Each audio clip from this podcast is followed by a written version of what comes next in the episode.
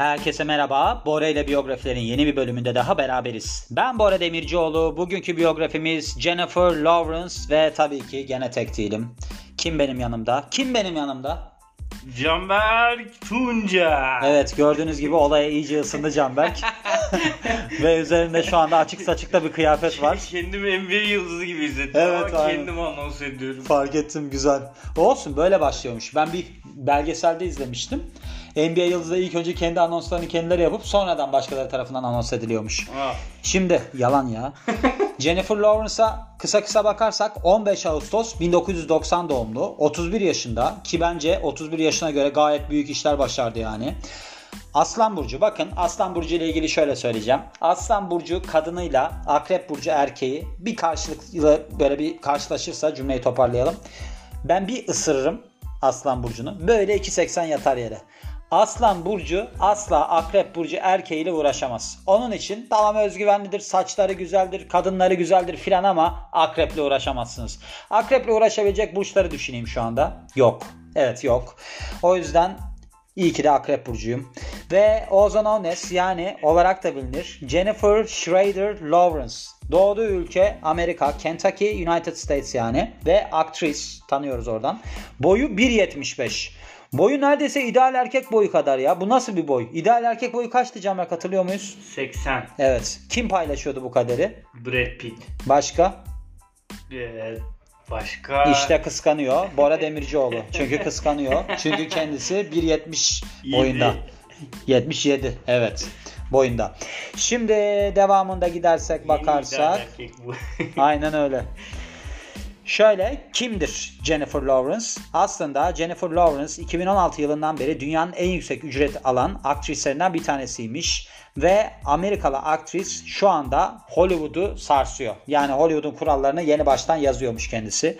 Aynı zamanda 4 kez Oscar ödüllerine aday olmuş ve Actress in a Leading Role yani başroldeki aktris kategorisinde Silver Linings Playbook'la 22 yaşındayken ödülü almış Oscar'ı.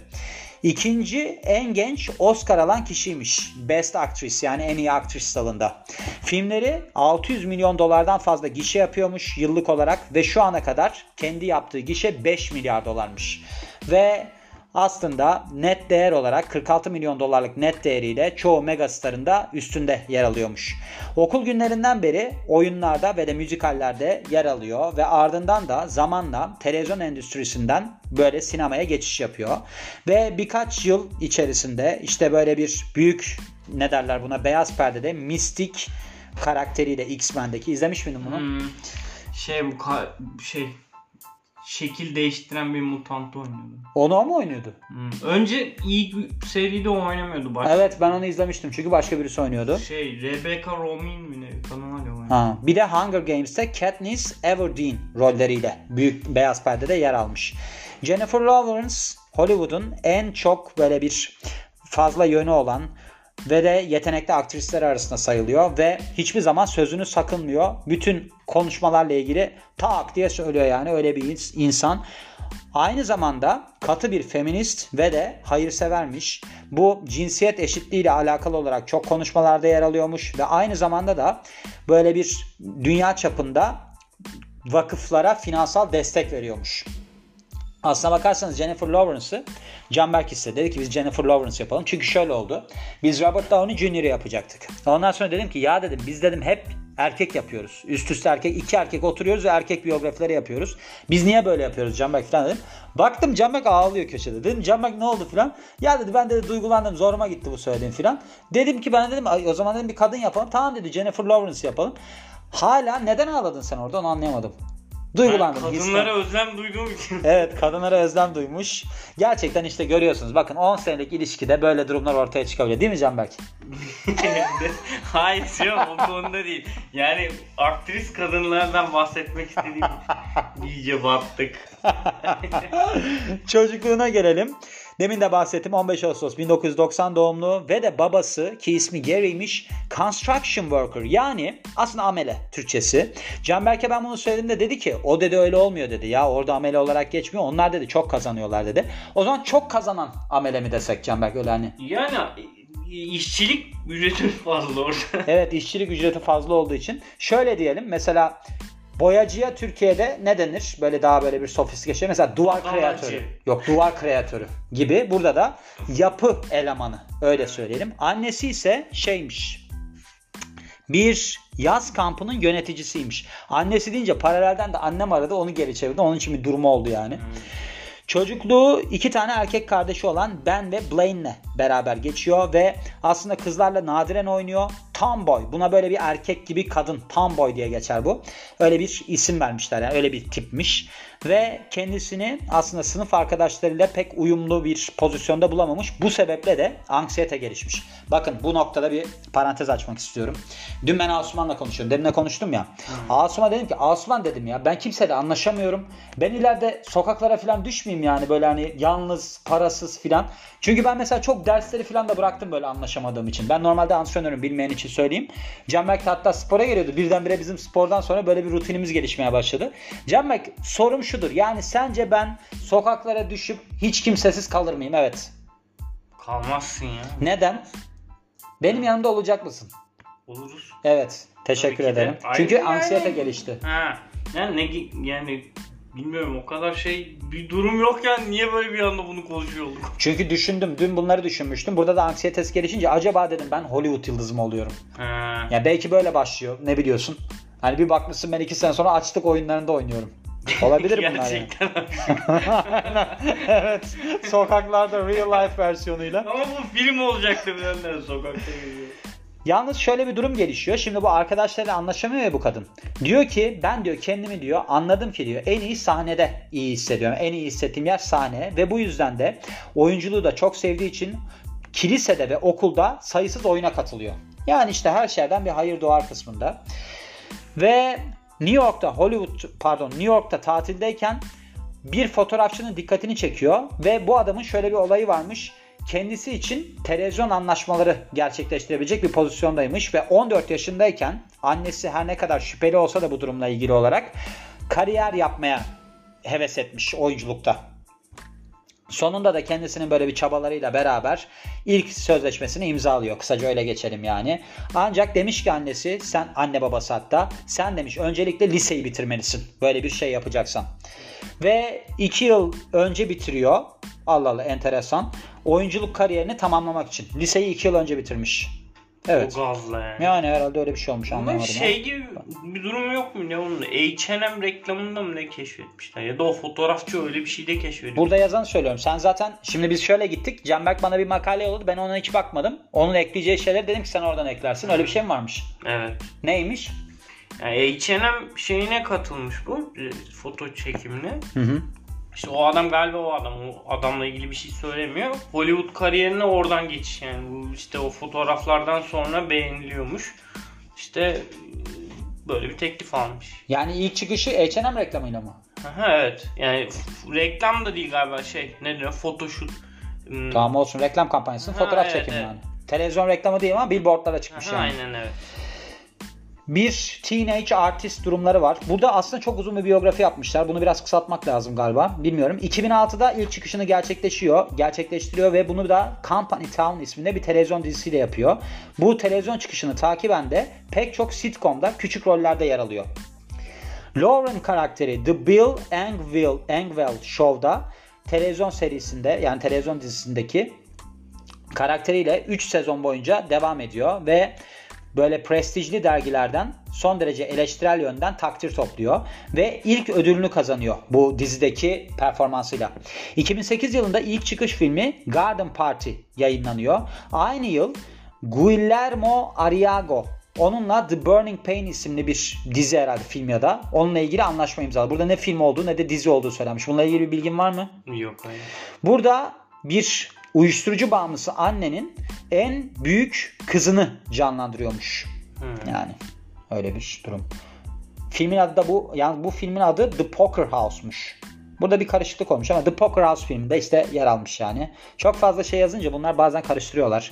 Şimdi benim tanıdığım kısmına geliyoruz. 2010 yılında hiç unutmam ben hatta hiç de sevmediğim bir ortamda küçücük bir televizyonda böyle bir şey vardı VCD çaları vardı. Winter's Bone filmini izlemiştim. Zaten 2010 yılındaki bu performansıyla bayağı bir dikkat çekmişti. Ve şöyle olmuş devamında da en iyi aktris dalında bu oda, aday olmuş Oscar'a. Ancak ödülü kazanamamış da. Şimdi mesela diyelim ki ben bir filmde oynadım ve Oscar'a aday oldum. Evet. Sence benimle konuşabilir misin o, o noktadan sonra? Yani telefonlarına çıkarmayayım Canberk. Çıkar mıyım Benimkine- çıkmaz mıyım benimkine yani? çıkarsın yani. Ha tamam. Seninkine çıkarım ama genelde bir havalanacağımı düşünüyorum. Yani, Yani. Oscar'a aday olmuşken. Çünkü ben hiç tanışmadım mesela Oscar'a aday olmuş birisiyle şu ana kadar. Ardından da Like Crazy ve The Beaver filmlerinde rol alıyor ve onların ardından da X-Men First Class'ta 2011 yılında yer alıyor. Yani böyle bir teklif geliyor kendisine. Filmde kim var? Kim var? Michael Fassbender. Michael Fassbender mı var? evet o da var. Evet ben sana söylemiştim ama Michael Evet, Fassbender'da yapabiliriz diye. Canberk de dedi ki onu yapmayalım. O dedi şu an çalışmıyor. Şey gibi biz de iyice seçici davranmaya başladık. Yani Sonra ama beni şeyden Instagram'dan engellemiş Michael Fassbender. Duydu kulağına gitti galiba. Bizi çünkü çok önemsiyorlar. kendisi İnan- için çok üzgünüm. Evet. Kusura bakma. Ve burada da canlandırdığı karakterde hem karakterin kısıtlılığını hem de böyle bir güçlerini çok iyi canlandırdığı için karakterin gerektiği böyle bir şeyi veriyormuş yani. Ne derler buna? Altyapıyı sağlıyormuş diyelim. Hmm. Bazı şeyleri toparlayamıyorum. Ve X-Men'deki çıkışını takiben böyle bir film endüstrisinde elit rollerde teklif almaya başlıyor. Bunların arasında The Hunger Games de var. Bu işte böyle bir izledin mi sen bu filmi? Yarım yamalak ya ben o seriyi takip edemedim çok. Apokaliptik feature yani böyle bir hani ne derler böyle kıyamet günü sonrasındaki bir gelecekte geçen bir filmmiş. Ben izlemem böyle filmleri sevmiyorum. Ve film aslında hem fiziksel olarak çok yıpratıcıymış hem de zihinsel olarak bir yıpratıcılığı varmış. Bu fiziksel kısmında mesela hem yoga dersi almış hem okçuluk, tırmanış ve de dövüş. Aynı zamanda da şöyle bir durumu varmış. Bu rolü kabul etmede ilk olarak böyle bir şeydeymiş yani çelişkiliymiş. Acaba ben bunu kabul etsem mi etmesem falan diye. Ama annesinin desteğiyle limitlerini zorlamaya karar vermiş. Oscar kazanmasına geliyoruz. Şöyle bu X-Men ve de Hunger Games'te oynadıktan sonra aksiyon yıldızı olarak çok övgü kazanıyor ve ardından da daha böyle bir ayakları yere basan rol için Tiffany Maxwell rolü için Silver Linings Playbook'ta teklif alıyor. Oynama teklifi alıyor. Sen izlemişsin onu galiba değil mi? Evet, Güzel film o ya ben sevdim. David O. Russell'ın filmi. Şimdi şu var. Skype üzerinden bir anla şey ne derler buna mülakat yaptıktan sonra anlaşmayı imzalamaya ikna etmiş ve şöyle bir durum var. Böyle bir ne derler genç kişi için bu tarz kompleks bir rolün hani olup olmayacağına dair şeyin bu kadının şüpheleri varmış. Yani ben bunu oynayabilir miyim, oynayamaz mıyım falan filan diye. Kendisinin mi yönetmenin mi? Yönetmenin mi varmış? Kendisinin varmış canım? Ha, evet. Aa hayır hayır yönetmenim varmış evet. Yönetmenim varmış ama kadın ikna ediyor. Diyor ki ben diyor bu rolü oynayabilirim diyor. Bak burada hızlıca oku Evet, istiyorsan. evet, gördüm. Ve sözüne sadık kalarak olağanüstü bir performans sergiliyor filmde ve ardından da en iyi performans göster yani baş ne derler buna en iyi kadın oyuncu Oscar'ı kazanıyor. Evet. Hunger Games Catching Fire bu devamı Hunger Games'in 865 milyon dolar gişe başarısı edinerek en yüksek gişeli film oluyor. Yani onun bu kadının yayınladığı. 2013 yılında American Hustle filmiyle burada böyle bir nörotik kadını canlandırıyordu. İsmi de Rosalind Rosenfeld'miş. Burada pek çok hani yardımcı aktör dalında ödül kazanıyor. Bunların arasında Oscar adaylığı da var. Bu da şeyin filmi galiba David O. Russell'ın. Öyle mi bilmiyorum. Ben bu filmi çok enteresan bir şekilde izledim. Şimdi yazın şöyle oldu. Ben bu filmi izledim aslında. American Hustle filmi izledim. Güzel de bir film izlemediysen. İzledin mi? İzledim izledim. Neyse ben işte ben bu sevgililik ilişkilerini pek beceremiyorum ya. Evet. Yazın böyle hani bir ilişki yaşar gibi bir duruma geldim ben. Hani böyle bir görüşüyoruz birisiyle filan. Ama bizim ilişkimiz de böyle daha çok böyle bir Sid Vicious'la işte Sid ve Nancy tadında. Hani ben sanki böyle bir rock yıldızıyım. Hani bir 20'lerimde ölecekmişim gibi bir kafada. O da öyle bir tuhaf bir insan filan. Biz bir türlü yürütemediğimiz bir ilişki yaşamaya çalışıyoruz ve sürekli kavga ediyoruz. Yani 4-5 kere görüştük ve sürekli kavga ettik her seferinde. En sonuncusunda gene biz kavga ediyoruz. Bir gün gene kavga ediyoruz kısacası. Dedim Her ki buluşmada kavga mı? her buluşmada fix kavga ediyoruz. Daha önce kavga etmediğiniz buluşmanız var mı? Yok biz zaten 5 kere görüştük 5'inde de kavga ettik. Bu şey boks maçı gibi ringe çıkıp Ya kavga ederken dövüşmüyoruz yani tartışıyoruz yani. Fikir ayrılığına kapılıyoruz. Anladım. Ondan sonra neyse ben dedim ki beşincisinde artık her seferinde de şöyle oluyor. Biz yolda tartışmaya başlıyoruz ama onun evinde final buluyor. Hı. Sonra yine 5. gecede gene onun evinde final buldu ama bu sefer artık çok gerildik biz. O da açtı. Filmin yarısından orada kalmış. American Hustle izliyor. Ben de filmin yarısından American Hustle izledim. Bitti film. Ben dedim ki ben kalkayım. Kalktım. Sonra döndüm dedim ki ben bir daha seninle görüşmek istemiyorum. O da sen bilirsin dedi. Bir daha görüşmedik. Böyle bir... Bari filmin geri kalanını eve dönünce izleseydin. Yo ben izlemiştim zaten. Yarısından Ha, itibaren sonuna kadar izledim. Anladım. Yani ben izledim filmi yani. O yüzden baktığında hani böyle şeyler çok enteresan geliyor bana. Şimdi ben bayağı bir bölümü atlayacağım açıkçası. Çünkü çok uzun bir biyografi olmasını istemiyorum. Çünkü zaten çıkış noktada falan aldım. Senin eklemek istediğin bir şey var mı buraya kadar? Yok. Yani. 2010 yılında Nicholas Holt'la ilişkiye başlamış. Böyle kişisel yaşamına bakarsak. Ve aslında en çok üzerine konuşulan çift olmuşlar. Bununla beraber O çocuk da şeyde oynuyordu işte. O da X-Men'de vardı. öyle mi? Ama bu şeyden meşhur o çocuk. Bir tane About a Boy diye bir film. About a Boy evet izledim. Küçük bir çocuk Evet, vardı evet. orada. Hugh Grant'in Evet. eli- o çocuk işte. O, Aa. Tabii o büyüdükten sonra X-Men'de falan oynamadı. Ha, wow çok enteresan. O rol bana teklif edilmişti dermişim. Grant rolü de bana. Bununla beraber hani bu çok konuşulan ilişki 2014 yılında sonlanmış. Şöyle kendisinin Jennifer Lawrence'ın birkaç tane çıplak fotoğrafı sızınca çok bozuk bir pozisyona girmiş yani. Ve bu şeyi yayıncıyı ve yazarı sex crime işlemek suçundan suçlamış. Yani böyle bir sex crime'a girdiniz falan diye. Çünkü hani kendisinin verilerini aktar diye. Yalnız bu şeyde benim hatırladığım kadarıyla bunların bir iCloud muydu neydi o verileri sızdırılmamış mıydı? evet. O Ya burada birisi sızdırmış diye de söylüyor. Onu da anlayamadım yani. Neyse enteresan bir şey yani. Şöyle Beverly Hills, Kaliforniya'da oturuyormuş şu anda ve Jennifer Lawrence Foundation yani Jennifer Lawrence Vakfı'nı kurmuş ve 2 milyon dolar bağışlamış. Bunun içinde yani bunu bağışlama sebebi de Cardiac Intensive Care ünitesi için. Crosshair Children's Hospital yani çocuklar hastanesinde kalp yoğun bakımı için böyle bir destek için 2 milyon dolar bağışlamış yani. Böyle bir durumu varmış.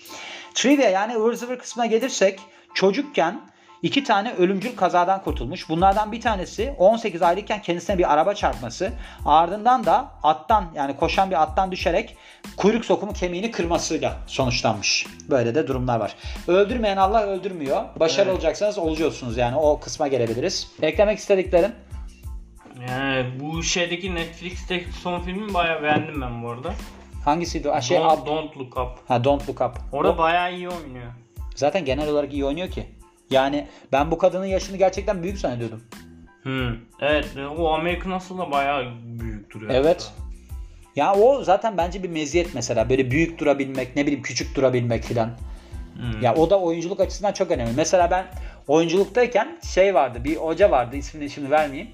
O bir çocuğun böyle yüzünde bir tebessüm ifadesi var. Demişti ki o tebessüm demişti hani kızların çok gönlünü çalabilirsin onunla da aslında demişti dezavantaj. Çünkü sen her role gitmezsin. Yüzünde sürekli böyle bir müspet ifade olduğu için. Ben de hatta çıkıp şey demiştim. Ama demiştim Al Pacino'nun suratında da böyle bir bad bir ifade var. Her türlü rolü oynuyor. Yani neden oynayamasın ki filan diye. Çok kale almamıştı ama sonra zaten o kişinin yaptığı filmler falan da hiç güzel değildi. Onun için ben kendimi haklı görüyorum bu noktada. Yani bu biyografiyi de eklemiş olduk. Gördüğün gibi hani neye bağladım aslında? Hani benim daha geçmişte de bir trafik kazası geçirmiştim falan ya 6 yaşındayken. Hatta Evet. sana maske getireyim falan diye böyle bir anlatmıştım sana. Benim de bir trafik kazası var arkadaşlar. 6 yaşındaydım. Araba beni 200 metre üstüne Attan da sürükledi. düşmen lazım. Attan da düşüyordum ata binerken. O da var. Olmamış tam. O da var. Düşseydim demek ki kuyruk sokumu kemiğimi kırsaydım tamamdır. Yani bazı şeylerde bazı şeylerin olması gerekiyor. Ben ne demiştim sana? İşte ünlü olmak için şartlar. Mesela ne olması lazım? İşte anne babanın boşanmış olması lazım. Yani gördüğüm kadarıyla bu zamana. İşte böyle bir kazalar, işte ne bileyim cinsel taciz durumları bilmem neler olması lazım. Çünkü hep karışık durumlardan çıkıyor yani. Ben hep zaten şuna inanırım. Mesela ailenin bir genel bir enerjisi oluyor. O enerji eğer ki çok yoğunsa sana bir şey kalmıyor. Böyle dağılmış ailelerde falan enerjide boşluk olunca bu hemen oradan bir sıyrılıyor. Mesela Hollywood yıldızı oluyor bilmem ne oluyor filan. Evet. Bizim sorunumuz neredeydi biliyor musun? Bizim aileler mutlu. Ben anneme hala ısrar ediyorum. Hani boşanmayı düşünüyorsan boşan bir an. yaşım Hadi geçiyor. artık hadi. Ben ünlü olmam lazım. Bak yaşım geçtikten sonra bir anlamı kalmayacak filan diye. Olmadı. Geldik kırkımıza bakalım. Bekliyorum sabırsızlıkla. Evet son söyleyeceğim bir varsa alalım. Kapatıyorum. Yo teşekkür ederim. Ben de Çok teşekkür keyifliydi. ediyorum. Çok teşekkür ediyorum Canberk sana da. Evet bir biyografinin daha sonuna geliyoruz. Ben Bora Demircioğlu. Yeni biyografide görüşmek üzere. Hoşçakalın.